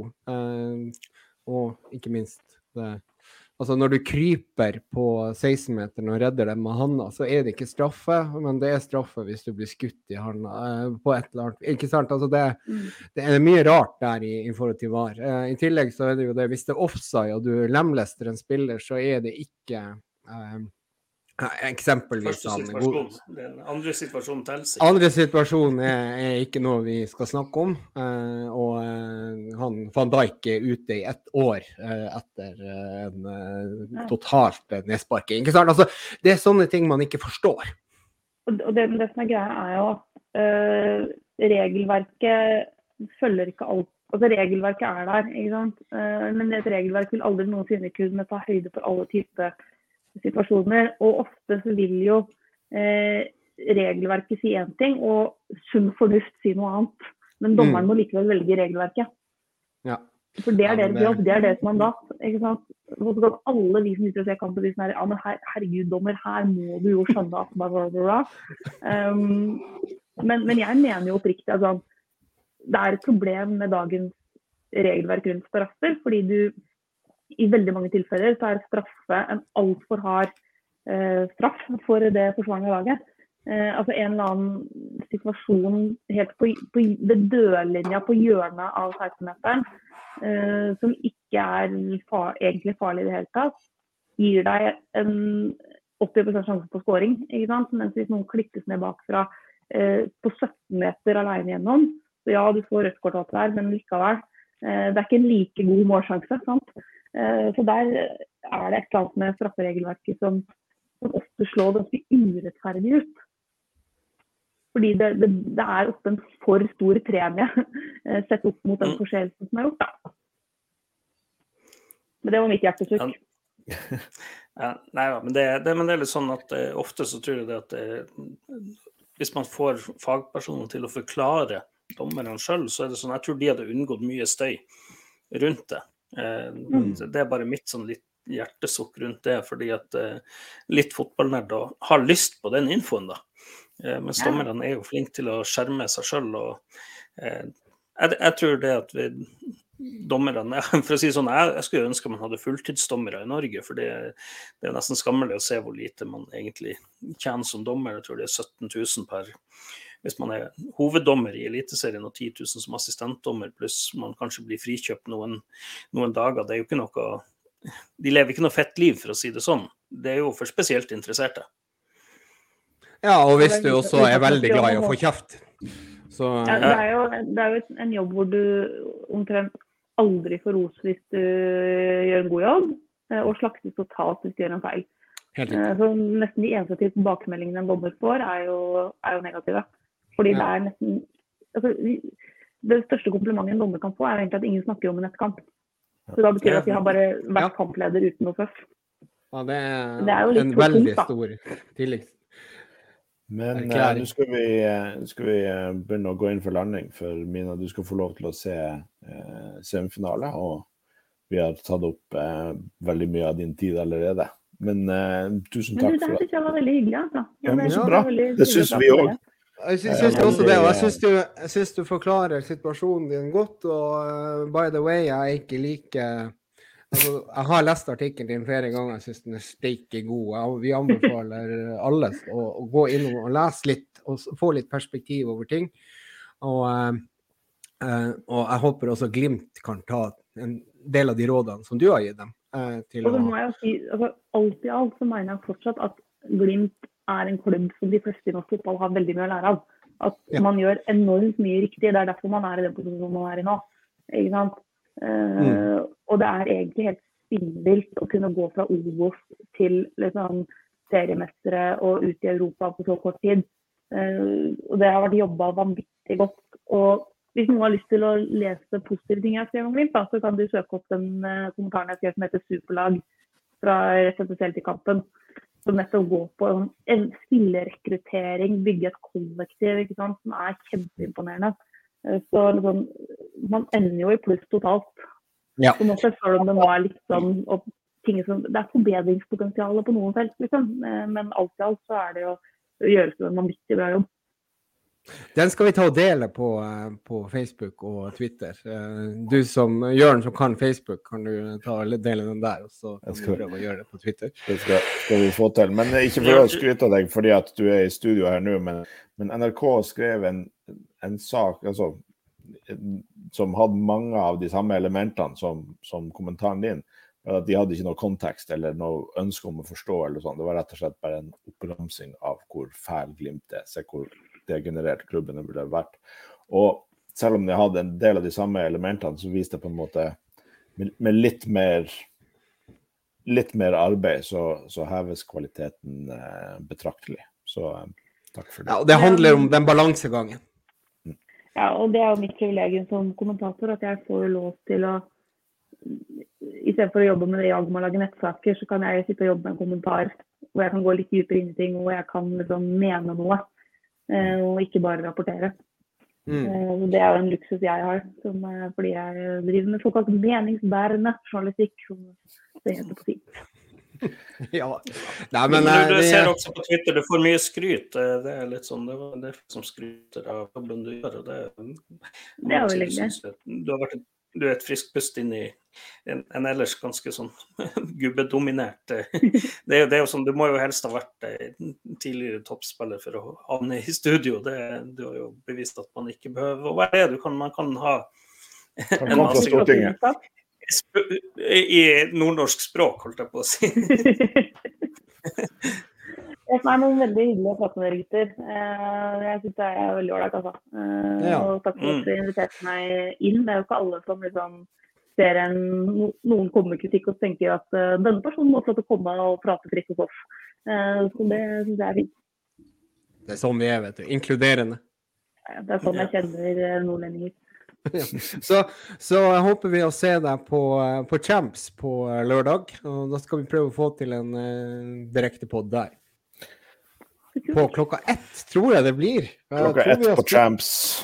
Yes. Da fikk vi bekreftelsen fra Jørn også. Han har nekta å svare i ett døgn på at det var klokka ett, men nå bekrefter vi at det er klokka ett på lørdag! Vi skal gjøre et kjempeshow! Det kommer til å Jeg vet ikke hva det kommer til å bli, for jeg har ikke planlagt en dritt ennå. Men uh, OK. uh, så uh, Champs rett ved Oslo City, Sonja Hennies plass. Da er du velkommen. Skal vi spandere deg en um, peach canay med en hooch, eh, eller hva du foretrekker. Jeg elsker peach canay. Det går i hop med planene til ettåringen. Eh, ja, nei, det er kanskje ikke. Ja, og så må dere masse lykke til, da. Eh, og kose dere med cupfinale. Det er jo noe største til norsk fotball, er det ikke det? Det er jo fotballens festdag. Det, dette er mm. nasjonaldagen. Alt på en gang. Ikke sant. Ja. Nei, da, men det... Lykke til med Tusen takk for at du kom, Mina. Helt strålende. Du er fantastisk. Å, takk, takk. Dere er noe hyggelig, da. ha det bra. Ha det, bra. Ha det godt. Yes, gutta. Da eh, er vi ferdig med den. Hva dere tenker om det her, da? Fikk vi noen gode svar? Nei, jeg syns jo det er vanvittig sport å stille opp, og det er jo Mina er reflektert og har nyanser. Det syns jeg hun er flink til, og det, det syns jeg også eh, før denne samtalen. Det var mitt første møte med henne. Hun er flink å nyansere, og det i motsetning til en del andre kommentatorer. Jeg skal ikke nevne navn, men det var en som skulle spise ja, den norske pekefingeren sin så er det sånn at jeg syns hun er flink og har forståelsen også, og interessen for Åpenbart en interesse for fotball. Eh, det virker ikke som at det er alle som eh, kommentatorer som har det, da. Nei, og, det er jo, det er jo men, men, jeg tror nok altså, nøkkelen er jo dialog. Eh, og ikke sitte og skyte på hverandre fra hver sin kant. Og uh, nå var jo ikke Mina i nærheten av like krass som Eller hun oppsummerte egentlig det og forklarte litt i den artikkelen hennes. Så jeg tenkte jo at det var en uh, veldig fin måte å, å, få et annet perspektiv på det. Det som vi kanskje opplever som jækla urettferdig, vi Glimt-supportere, ikke sant, i, i, i alle situasjoner. Jo da, men det, men det er litt sånn at uh, altså Hvis man skal legge sosiale medier til grunn, så er jo det en fryktelig polariserende scene. Det er jo eh, Altså, folk kan jo ytre veldig lett hva de sier i affekt, eller hva de tenker.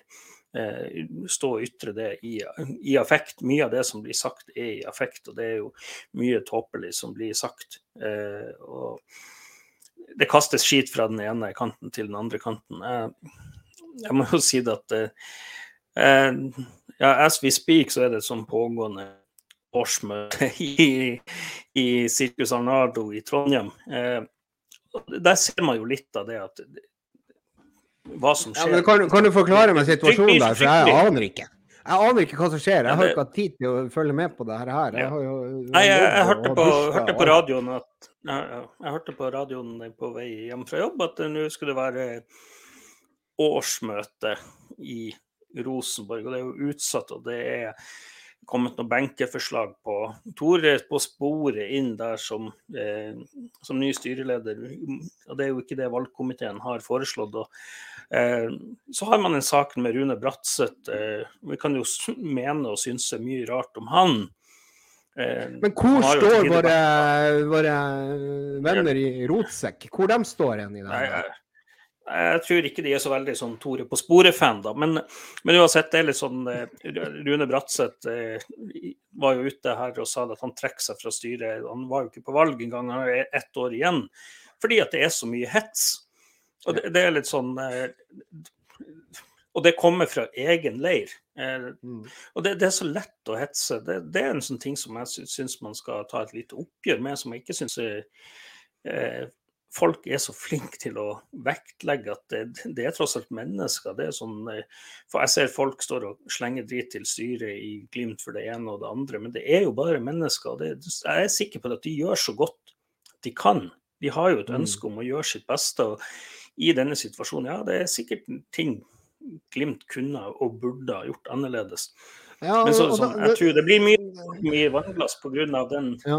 at vi er den som er på toppen. og det, det ja, men, altså, hva, toppen.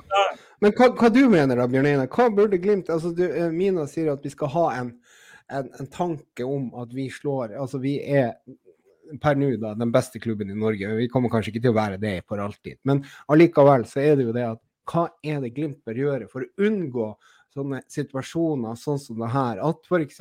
den her Altså, den Roma-eksidenten Den har tatt så jævla mye energi, så du aner ikke. Altså, de, de, de er jo helt sluttkjørt. Uh, hele gjengen. Og det er klart at, at, at, når du sto i det der, skulle du egentlig bare ha satt lokk på det og bare sagt OK, greit, sånn er det. Uh, Uefa får bare bestemme. Istedenfor å ta den rolle der. Det er klart du er forbanna. Det er klart at du, du føler deg fullstendig urettferdig og overkjørt i den situasjonen.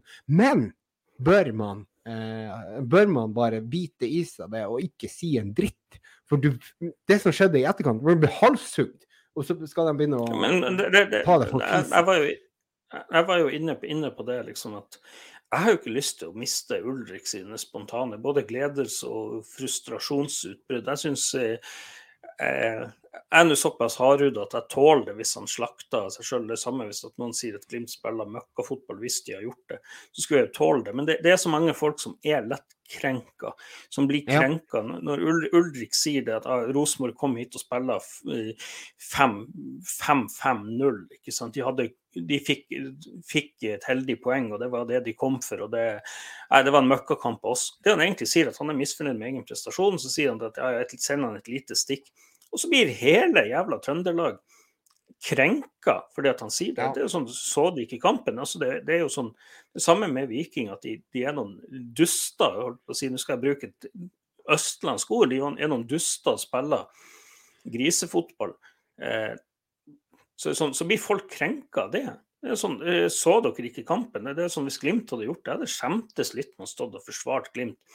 Og Samme når de begynner å henge ut, sånn som Vålerenga-fansen.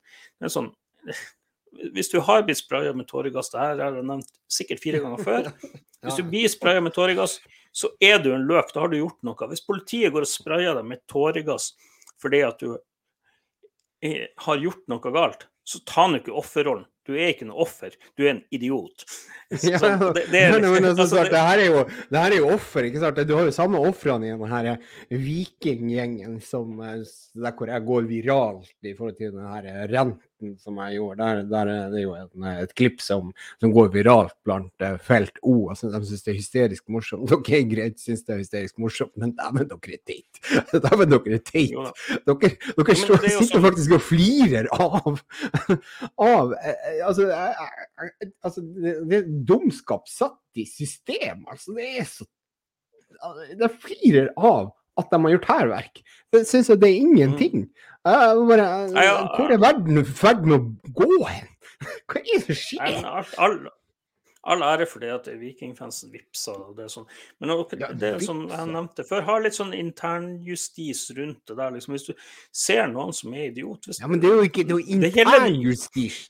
Ja, men, Hva faen er det? De har jo ikke det, men... Internjustis, det står jo flere av det. Det er jo ingen ja, ja, som tar tak i det. Men de har jo ikke det. Det er jo det er jo mangel på eh, folkeskikk og internjustis. ikke sant? Og det er sånn smågutter på tur. Eh, det, det, er litt sånn, Hvis jeg hadde sett noen fra, i Glimt-drakt som hadde gått rundt her nå, gått rundt på, eh, i Oslo så hoppa inn i en hage på Ullevål hageby og brent et lynskjerf, så hadde jeg sagt det ærlig talt, ta og skjerp deg. Ta og Skjerp deg, din idiot. Ta og så Gå og ring på døra og si unnskyld. Så er det sånn, ja, Vikingfansen er jo blitt ufattelig høy på seg sjøl. Og det, det, er litt sånn, eh, det er sånn Men de kommer nok ned en dag. De skal nå spille mot Haugesund allerede på lørdag. Det er jo deres lokaldarby cupfinale. Haugesund har alt å vinne. Vi heier så jævlig ja, ja, ja, ja, ja, ja, ja. De har null poeng og alt å vinne. Det... Ja, ja. Da er det sånn at da blir det sikkert stille i den skolebollebua. Ja, men jeg vil jo tilbake igjen til NRK-artikkelen der hvor du egentlig vi begynte jo litt på den under eh, Mina sitt uh, opplegg, og det er jo det her. ikke sant? Det her med Én var Den drar opp denne reisa til, til Marbella. Der er det jo altså, Til slutt så blir jo det faktisk Altså, det, reisen Reisa den resulterte i Det var null smitta. Henrik på Twitter har jo også hatt en fin kommentar på det her det er jo altså, Og i tillegg så var det jo en nødvendighet i forhold til at Glimt skulle spille i Europa og forsvare Norges ære. For, for, å si det sånn, så tror jeg den der turen til Marbella eh, gjorde sånn, sånn sitt til at Glimt eh, kom såpass langt i Europa også. Eh, det var faktisk helt avgjørende på det. men, men det, det, her er litt sånn, Jeg har lyst til å si det her om NRK. Det, det er sånn, ja. dobbeltmoralens voktere. ikke sant, Jan ja. Petter Saltnes. ikke sant, og det er sånn, Ja, han har kanskje en av de viktigste rollene i norsk idrett. For NRK skal dekke mer enn fotball. De har bare cupen. Heldigvis, da. Så det er sånn, men han klar, presterer å, å, komme ut med så usaklige ting. Eh, samtidig som han til, ikke nevner med et ord at skiløperne, skiskyterne, ja. alle de her, de reiser utenlands. NRK hadde til og med laga en, en, dokumentar om eh, eh, om det norske bryterlandslaget ikke sant? Og, og liksom hva de måtte gjøre i koronapandemien. Og NRK sender journalister. Er det noen som kan jobbe hjemmefra, så er det i hvert fall journalister som kan sitte og bruke telefon og eh, andre eh, holdt på å si, digitale verktøy de sender de til, til ski-VM og histen og pisten fordi at de skal dekke et skiskytterstevne her og der. Ja, og, og, det var under korona. det var det. Var det. Ja. Altså, det, er sånn under korona. Glimt gjorde bare det de måtte. De I akkurat samme periode som ja, men i akkurat samme periode som Glimt var i, i, på, uh, på Marbella og trente, så var jo de ja. ute og filma uh, et sykkelteam som var på, på, uh, på på treningsleir i Spania. Ikke sant? Altså, det... ja, ja, men, det, det, men det, er litt sånn eh, også det, som, det, sier jo litt at du, du renker skiløperne høyere enn det du gjør med norsk fotball. Det, det det Verdensidrett, vet du. Ja, ja, ja. Altså, så, så, NRK, det er som eh, dere, dere, har en vei å gå, for å si det sånn. Ja, det, det, det, er litt sånn jeg, jeg, Den der saken er vi egentlig Ja, men det, det verste er jo altså, Jeg må bare ta den der, ikke sant, den der vasketakene i Roma. Eh, etter Roma-kampen på Aspmyra. Altså, eh, seriøst. Hvordan kan dere bruke det mot Glimt, egentlig? Altså, det er, det er ikke sant, altså, Glimt har all mulig grunn til å være forbanna på, på, Roma og egentlig den oppførselen til media etterpå. Jeg mener jo det. Og, og, uh, men det kan godt være at de skulle lagt lokk på det. Men hva, hva er det slags Skal ikke historien ut? Men burde kanskje Knutsen gått ut og fortalt om hvordan han hadde det i de dagene etter eh, det her Roma? Klarte han å gjøre det på en ordentlig måte? Var, var det en for, for, å fortelle hvor mye det gikk inn på han, for vi vet jo at det gikk inn på han. Det gikk inn på han og hele staben i Glimt.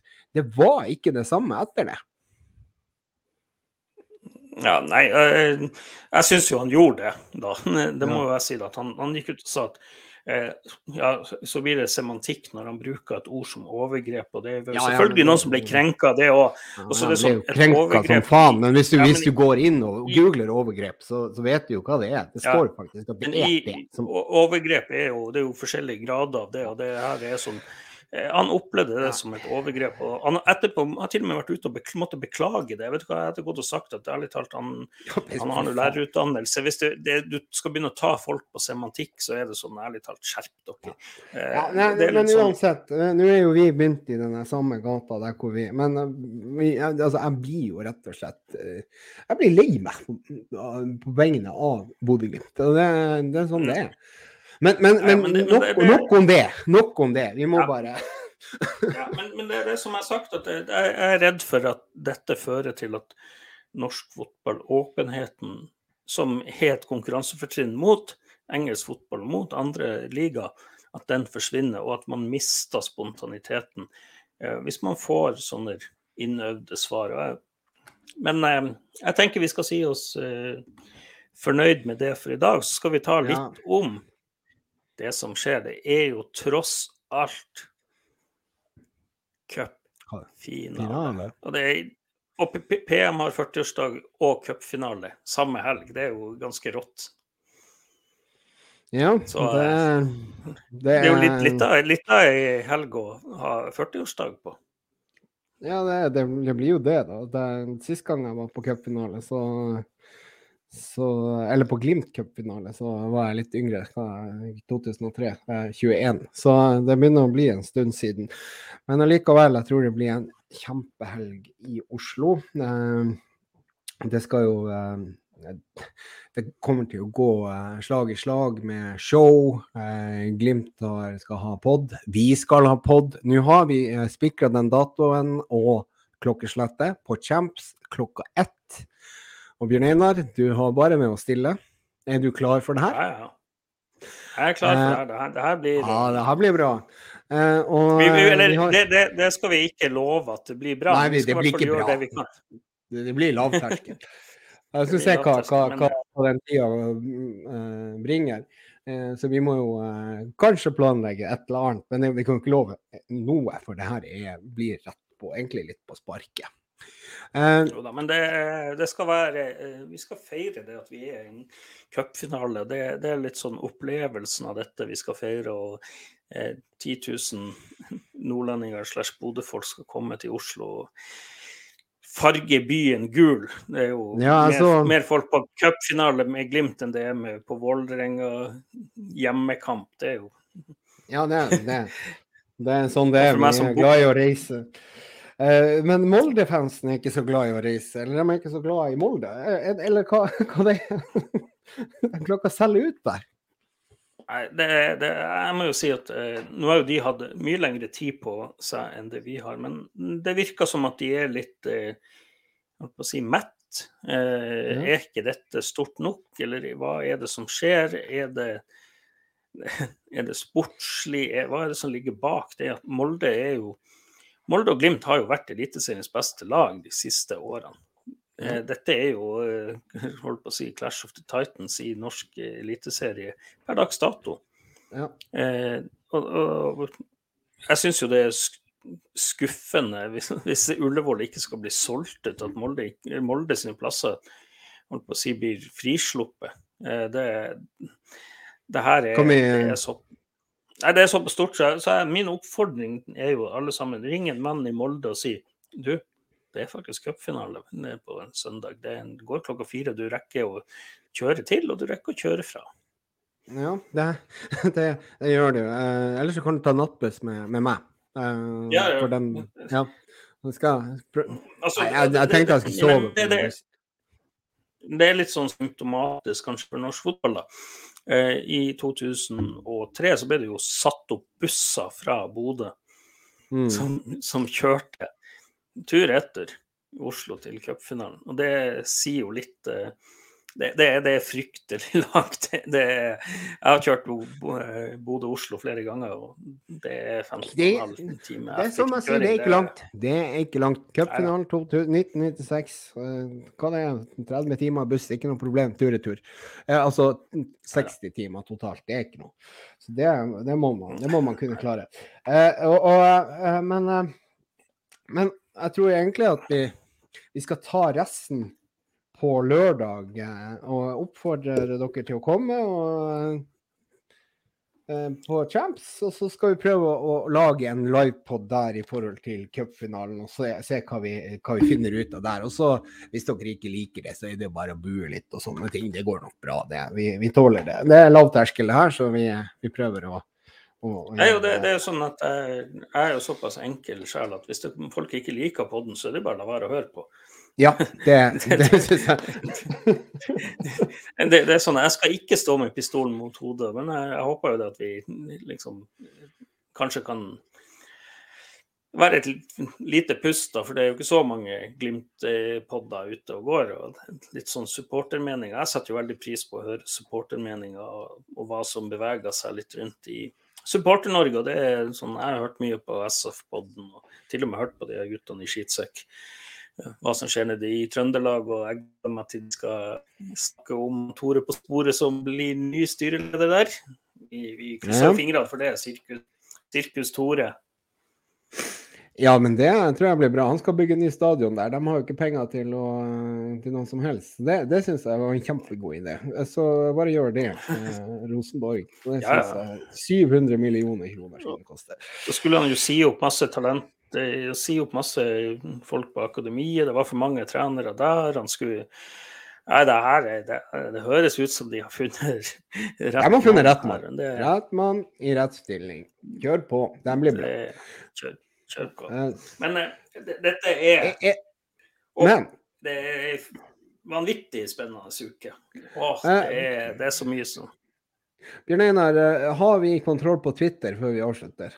Uh, ja, Tanker om søndagen. Kan vi regne med Mo og Pellegrino fra start? Blir det noe suspensjon av Ulrik? Det kan vi jo egentlig svare på direkte, men det er jo eh, på lengst ut når denne poden er på lufta. Uh, Ulrik spiller selvfølgelig. Uh, uh, han har fått to kampers karantene. Saksopplysningene har fått to kampers karantene. Det betyr vel at han må stå over mot Lillestrøm og Tromsø. Hjemmekamper yep. da, men det det, vi overlever fint. Jeg tipper Tromsø-folkene jeg tipper Tromsø-folkene er litt glade, men det, er sånn å faen, så drar vi opp Anders Konradsen-hatten. og det Jeg gleder meg til å se Anders feire sitt første mål. Først og fremst håper han jo gjør det foran han Pål André Helland. Eller jeg håper han gjør det allerede ja. mot Molde, da. Men det, han kan jo gjerne få lov å feire mot sitt første seriemål for Glimt mot Nei, altså, Lillestrøm og, og mellom... foran mellom oss så har vel også Ulrik ikke hatt noen sånne helt topp prestasjoner i det siste. Så det er kanskje greit for Ulrik også å få hvilt litt. Selv om han ikke mener det sjøl, så, så, så, tror jeg egentlig at det er ikke så dumt at Anders skal spille noen kamper nå. Eh, Ulrik kommer garantert til å spille cupfinalen. Det tror jeg ingenting kommer til å stoppe ham på den. Jeg, jeg, tror, tror, jeg, tror, det er ingen som, som blir å melde seg skada. Du skal være bra skada for at du melder deg skada til cupfinale. Og, og dermed så har du også svart på spørsmålet om Mo og Pellegrino spiller. Det tror jeg. Ja. Det skal overraske meg veldig mye om ikke Brede Mo er klar til en cupfinale. Jeg har ikke hørt noe rykte. Glimt er lukka som et seil om dagene. Så, altså det er lukka som en safe. Så der får vi eh, svært lite eller ingenting. Eh, eh, ja. ellers er det ikke noe, noe mer her på Beste min Bjørn Einar? For meg så er det egentlig um, Det er Yngve. 93, skriver det. jo ja, Nei, 93, det er liksom Hvor gammel var du da? Det var akkurat da jeg begynte. Da var jeg tolv år. Tolv år, ja. Jeg var elleve, og det husker jeg. Eh, men altså, det beste cupminnet, det er Altså, det er jo egentlig sånn 2003, når vi får oppleve Oslo sentrum i gult i eh, på formiddagen lørdagen. Det var, det var fantastisk. Det var, det var, god stemning og, og, og, og ja, veldig, veldig gøy. Så det er noe som jeg ser frem til også i år. Eh, og så er det jo da den cupfinalen eh, Rent sportslig så var jo ikke den helt, helt, eh, helt, optimal. Det var den heller ikke 96.